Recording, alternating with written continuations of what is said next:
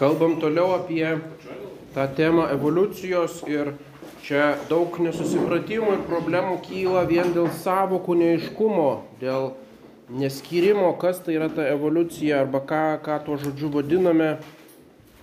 Ir štai pirmiausia, tai yra tam tikra kaita.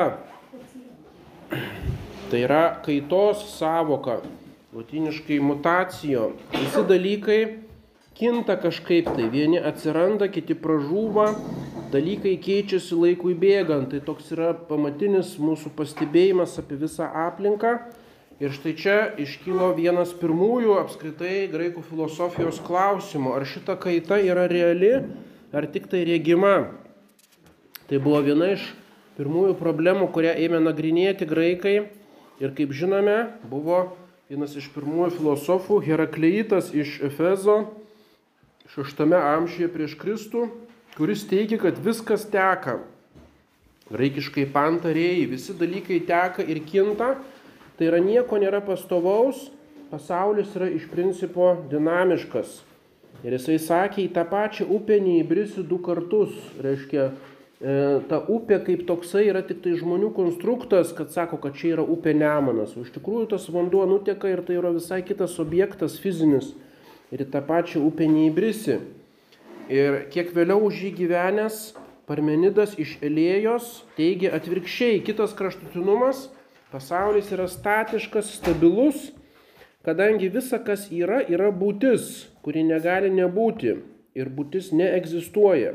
Būtis neatsiranda ir neišnyksta, taigi yra jam amžina Ir visas jūslinis tas judėjimo kaitos pasaulis, ką mes matome, yra iš esmės nerealus. Ta kaita tai yra iliuzija kylanti iš klaidingos nuomonės. Taigi jisai sako, yra filosofija arba išmintis, kuri sako, kad yra būtis, o būtis tiesiog yra.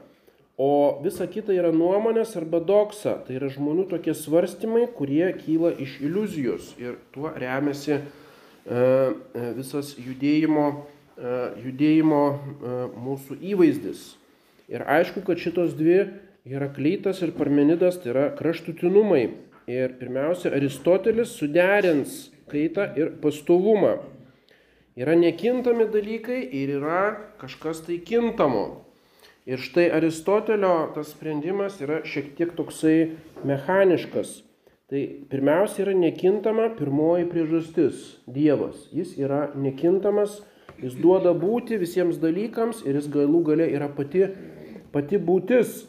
Ir aišku, ta būtis, taigi tai, ką Parmenidas kalbėjo, visa tai tinka Dievui. Reiškia, Parmenidas, galima sakyti, sudėvino visą pasaulį, pavertė į tokių rutuliu, absoliučiai nekintamu dievišku, dieviška būtimi. Ir tai yra klaidinga. Tokia būtis nekintama yra tik tai Dievas. Jis yra amžinas ir jisai e, toks pasilieka.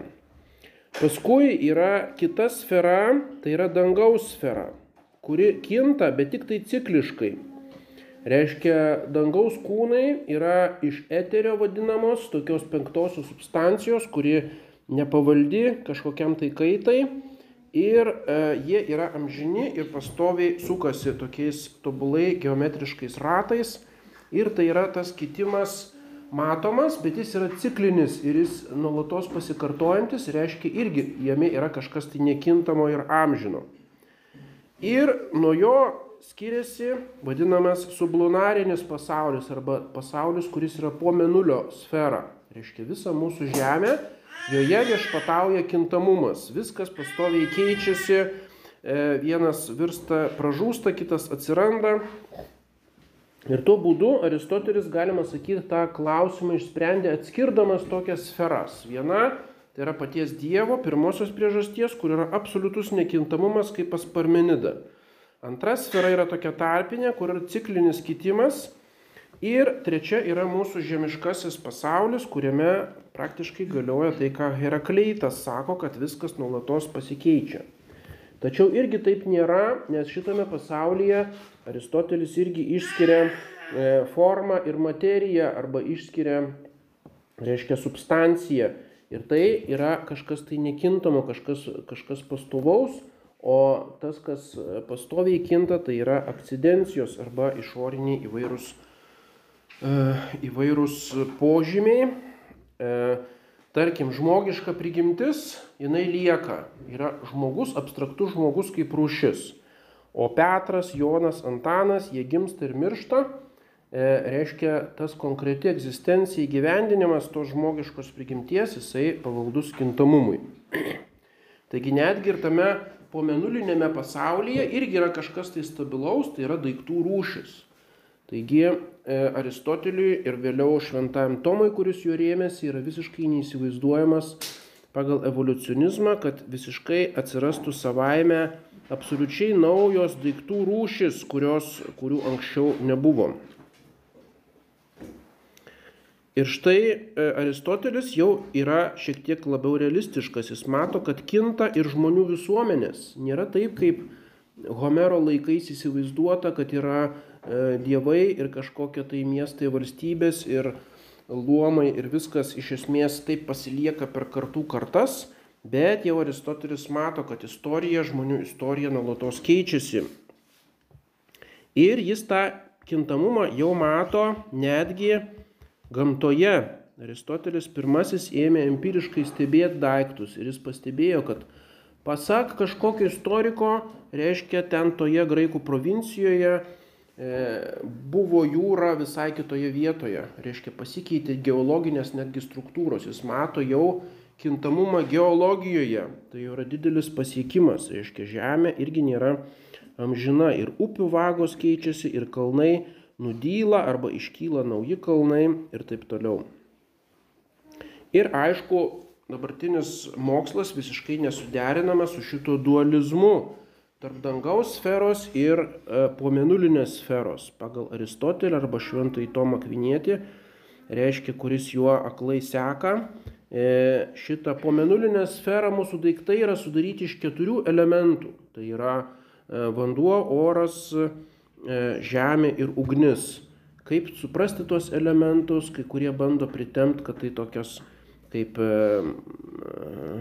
būsenos tik tai bet iš esmės jie supranta jas fiziškai. O štai dangaus kūnai sudaryti iš eterio arba penktojo elemento, kuris turi visiškai kitas savybės. Taigi, Minulis, Saulė, planetos, kometos yra visiškai kitokio pobūdžio, negu kad visa tai, ką mes savo Žemėje turime. Yra griežta skirtis tarp dangaus sferos ir Žemės sferos. Ir dangaus sferoje viešpatauja grina geometrija, o mūsų sferoje yra viskas kintama ir neapibrėžima. Ir štai dabartinis mokslas visiškai aiškiai mato, kad to dualizmo nėra. Visur yra ta pati materija, visur yra tie patys gamtos tam tikri dėsniai ir viskas nepaliaujamai kinta ir netgi turi savo istoriją. Ir taip pat ir planetų orbitos kinta ir Žemės planeta, kiekvienas geodezininkas gali pasakyti, kaip visą tai įtakoja ir Žemė nėra apvalus rutulys, o toksai kaip e, netaisyklingas, reiškia netaisyklinga elipsė ir e, atsiranda naujos žvaigždės, kas buvo didelė revoliucija renesansų laikais, reiškia pamatė, kad atsiranda novos, reiškia nova, latiniškai nauja. Nauja žvaigždė, kurios niekada anksčiau nebuvo ir astronomai jos nematė ir štai jinai suspindo, reiškia. Tai yra kažkas neįtikėtino, reiškia atsiranda visiškai naujos struktūros, o kitos žvaigždės užgesta, kažkur tai mm, nebematomos ir taip toliau. Taigi sutvertoji būtis yra kartu ir statiška, ir dinamiška. Tačiau tasai statiškumas iš esmės turi pirmenybę. Tai yra pasiektas dinamizmo tikslas. Reiškia, jeigu reikia rinktis mums tarp Herakleito ir Parmenido, mes vis dėlto pirmenybę teikiame Parmenidui, būtent dėl to, kad visa mūsų būtis kyla galiausiai iš Dievo sutvyrėjo, o be to Dievas duoda būtent tas formas arba substancinės, substancinės rūšis tiems įvairiems daiktams, kurie, kurios iš esmės yra stabilios. Ir tai atitinka šventojo rašto biblinį pasaulio įsivaizdavimą, kad Dievas sutvėrė per šešias dienas esminius dalykus. Reiškia, tai yra žemė, sausuma vanduo, tamsa šviesa, gyvūnai, augalai, žmogus. Ir šitos bazinės tokios struktūros, jos išlieka jau kaip rūšis esminės jos yra. Kai kurios pavienės augalų gyvūnų rūšis, aišku, dinksta, bet e, reiškia tos pagrindinės struktūros išlieka. Taigi tas statiškumas vis dėlto turi pirmenybę. Struktūra, tvarka, išlikimas būtyje tai yra kažkas pirmiau negu istorija, kaita, kaip tam tikras procesas arba tos tvarkos siekimas. Visų procesų tikslas yra rimtis pasiektame tobulume. Ir tas pats yra žmogaus dvasinėme gyvenime, kurio amžinybei yra vadinasi latiniškai fruicijo. Tai yra mėgavimasis tuo pasiektų tikslu. Tai yra dangaus palaima, dangaus laimė. Panašiai matome, tarkim, ekosistemose. Jeigu Darvinas pabrėžė kovą už būti, reiškia, kad visi plėšos ir draskos ir vieni kitus ėda, Tai dabartinė ekologija pabrėžia, kad ekosistemos siekia stazis, graikiškai tam tikro stabilumo. Reiškia, iš pradžių jos banguoja, tam tikros rūšis įsigali, suėda kitus, bet paskui vis dėlto nusistovi, nusistovi pusiausvyra. Ir toje pusiausvyroje yra visos šitos e, mytybos grandinės nuo aukščiausių plėšrūnų iki augalų, grybų ir bakterijų Ir visa ta sistema, e, aišku, paskui jinai, tarkim, pakinta klimatas arba koks nors katastrofa ar kas nors, aišku, atsiranda pakitimų. Bet pati sistema kaip tokia, jinai siekia stabilumo. Jinai siekia nurimti tam tikroje pusiausvyroje tarp įvairių rūšių.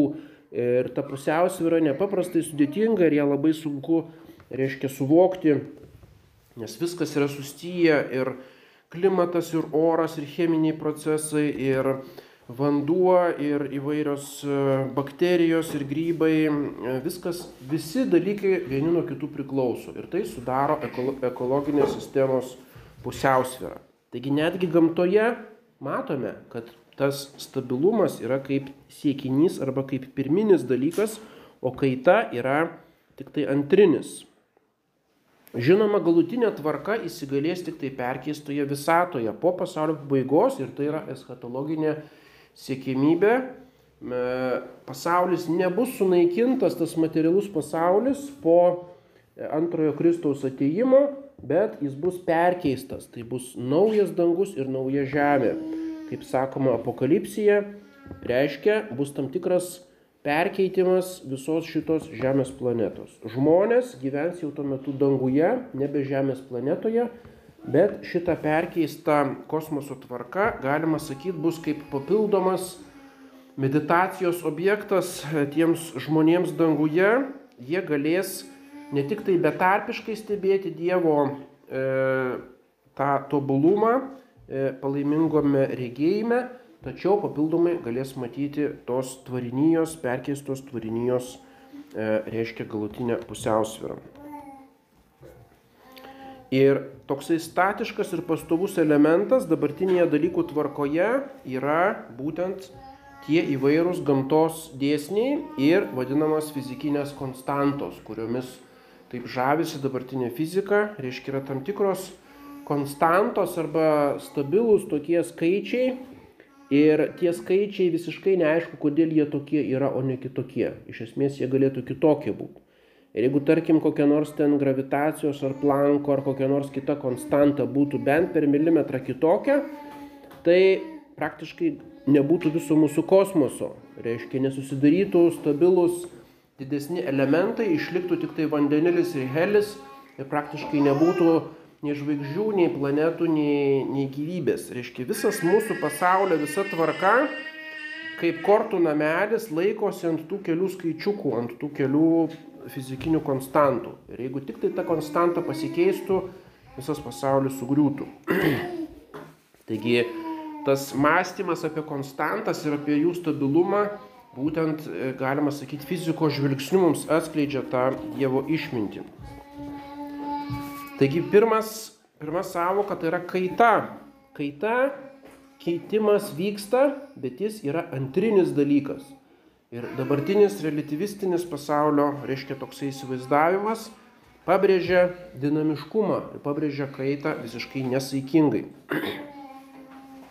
Antra savoka tai yra istorija. E, maždaug e, Herakleito ir Parmenido laikais, vėliau už juos, penktame amžiuje gyveno Herodotas iš Halikarnaso, kuris įvedė istorijos savoką. Ir Herodoto veikalas vadinasi Historijas apodeksis arba tyrimų, e, tyrimų išdėstymas. Historijas tai yra tyrimai arba liudijimai iš esmės, apodeksis tai yra jų išdėstymas. E, histor tai reiškia liudytojas, žinovas arba tyrėjas. Tai reiškia Herodoto istorija, tai nėra istorijos vadovėlis dabartinė prasme, kuris chronologiškai į tą ant laiko ašies suveria įvykius ir tą laiko tek tiekme laiko kažkuo tai svarbiu, bet jis tiesiog kaip liudytojas arba žinovas e, pasakoja apie įvairiausius dalykus šitame pasaulyje, kuriuos, e, kuriuos jam pavyko sužinoti. Taigi istorija nėra praeities faktų išdėstymas, nuosekli chronologija nuo praeities iki dabarties, o tai yra tiesiog nuoseklus pasakojimas apie keliaujant arba skaitant rašytinius šaltinius sužinotus įvykius iš įvairių kraštų, apie jų gamtą, jų įvairias tautas, įvairias žymės asmenybės ir taip toliau. Tai yra tokia kolekcija dalykų, kurie yra žemiški, kintantis ir permainingi. Ir būtent tai yra didžioji opozicija. Viena vertus yra filosofija, o kita vertus yra istorija. Ir tai yra graikų mąstymas. Visi pastovus dalykai arba tuos, kuriuos galime protų suvokti, racionaliai sudėlioti ir išaiškinti, tai yra filosofija.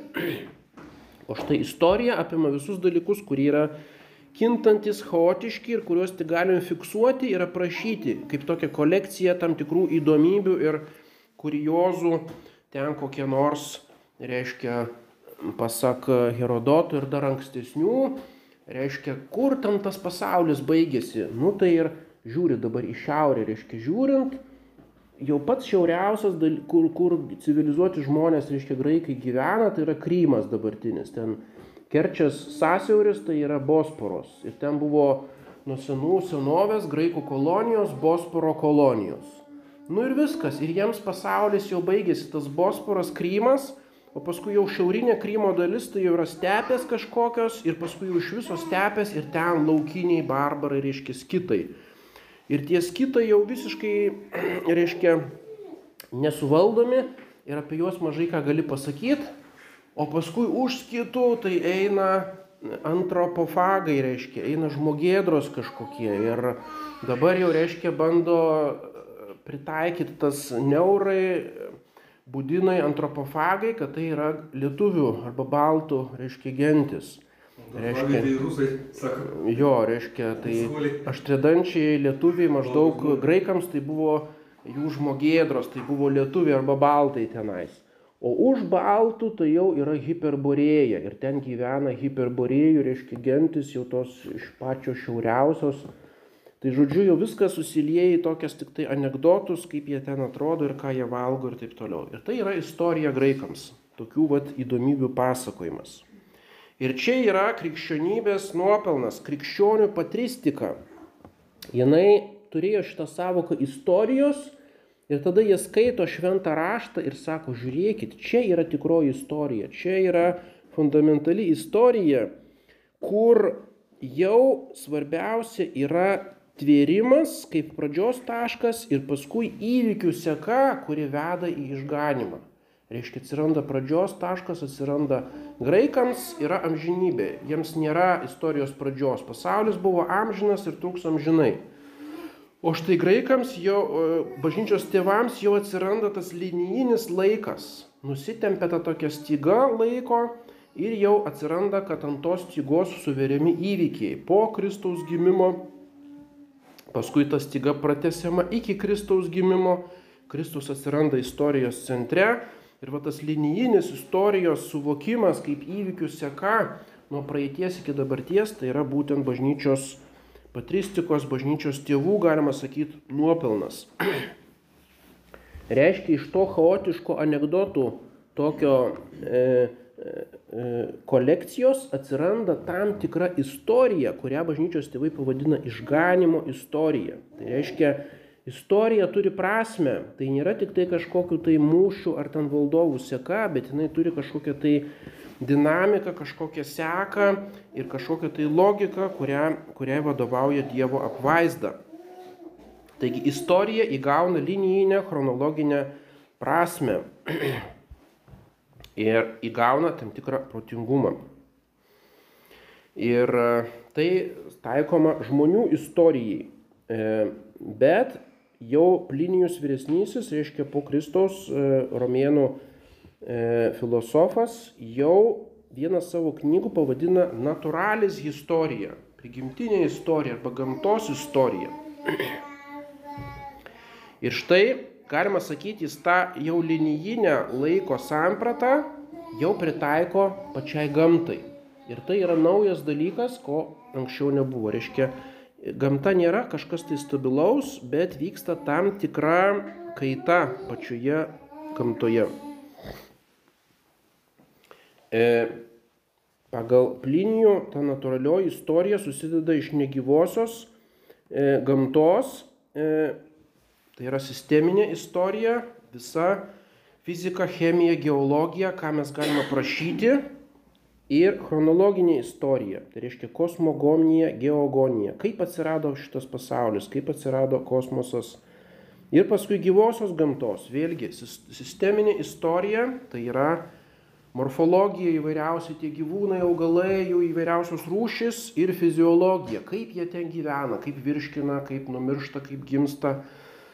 Ir paskui chronologija. Tai jau atsiranda mintis, kad galėtų būti tam tikras gyvybės kitimas. Ir čia yra paleontologijos, e, reiškia pradžia, kad paleontologija, aišku, jau jinai atsiranda naujaisiais laikais, kada atrandamos pirmosios iškasenos visokiausių dinozaurų, keistų gyvūnų, kurių šiandien Žemėje nėra. Ir atsiranda tas istorinis požiūris, kad gamtoje taip pat yra istorija. Tai šitas viskas tvarkoja, bet būtent Evoliucionizmas, darvinizmas paima istoriją ir ją pavadina evoliucija. Ir tai yra visai kas kita. Mes sutinkam, kad gamtoje yra kismas ir tam tikras kitimas. Bet to kitimo variklis reiškia nėra ta natūralioji atranka arba savaiminė evoliucija, iš kurios atsiranda naujos formos. Ir tai yra evoliucinė galima sakyti, evoliucijos revoliucija šitame gamtos istorijos supratime. Savo istoriją turi visos būtybės, kurios yra pavaldžios laikui. Tai reiškia, istorijai nepavaldus yra Dievas, jis yra virš istorijos, jis vienu žvilgsniu viską mato, taip pat nepavaldus angelai ir sielos po žmogaus mirties. Tai yra jau visai kitas ligmuo. Tai nebėra šita laiko tiekmės ligmuo. Ir štai ilgai manyta, kad neprotingoji gamta turi tik tai ciklinį, ciklinį laiką, ciklinis dangaus kūnų judėjimas, nulatinis gyvenimo ciklas individų lygmenyje. Tačiau gyvų būtybių rūšis lieka nekintamos. Ir iki pat 18 amžiaus niekam į galvą neteina evoliucijos kaip vienų rūšių kitimo iš kitų idėja. E, Aristotelis jau rašo, kad įvairūs upės reliefo formos lietai kinta. Renesansas atranda kaitą astronomijoje, būtent tos novos ir supernovos, naujos žvaigždės. O paskui jau tikslesni prietaisai jau nustato daugybę pakeitimų, kad visa Saulės sistema nulatos keičiasi. Ir orbitos planetų pasikeičia, ir jų skridimo greitis ir taip toliau. Apšvietos laikais pradedamas tirti Žemės paviršiaus geologinė kaita. Reiškia, jau e, pradeda judėti visi žemynai netgi. Jau netgi žemynai nebėra stabilus ir vandenynai. Ir XIX amžius atranda linijinę istoriją gyvojoje gamtoje. Reiškia, paleontologija, kad e, tam tikros rūšis keičia kitas. Ir štai galim visą tai pripažinti, kad linijinė istorija turi ne tik tai žmonių visuomenė, bet visos bei šimties gamtos dalis. Šitame tvarinijos pasaulyje nėra nieko absoliučiai stabilaus ir amžino, išskyrus būtent tas konstantas, gamtos dėsnius ir tas bazinės rūšis. Ir fizika būtent yra judančių, kintančių dalykų tyrimas, kuris skiriasi nuo metafizikos ir nuo matematikos. Taigi tas skyrimas iš esmės yra iki šiol aktualus. Mes skiriame metafiziką arba filosofinį požiūrį ir fiziką tai yra visi judantis arba kintantis kūnai. Ir štai jeigu žiūrim į tą istoriją, turim kartu su bažnyčios tėvais pasakyti, kad istorija turi tikslą arba prasme. Ir taip pat ji turi tam tikrą struktūrą arba periodizaciją. Tai nėra vien chaotiška įvykių ir būsenų seka, bet tam tikras kryptingumas ir tam tikra dinamika. Ir todėl yra įmanoma istorijos filosofija. Reiškia. E, praktiškai antikinėje mintyje istorijos filosofija praktiškai yra neįmanoma. Istorija yra kažkas absoliučiai antifilosofiško. O štai jeigu įvedame Dievą, įvedame Dievo apvaizdą, išganimo idėją, tada įmanoma tampa istorijos filosofija. Ir visos modernistinės istorijos filosofijos, ypač marksistinė ir kitos, jos yra tik tai, galima, galima sakyti, mėgdžiojimas šitos krikščioniškos istorijos filosofijos.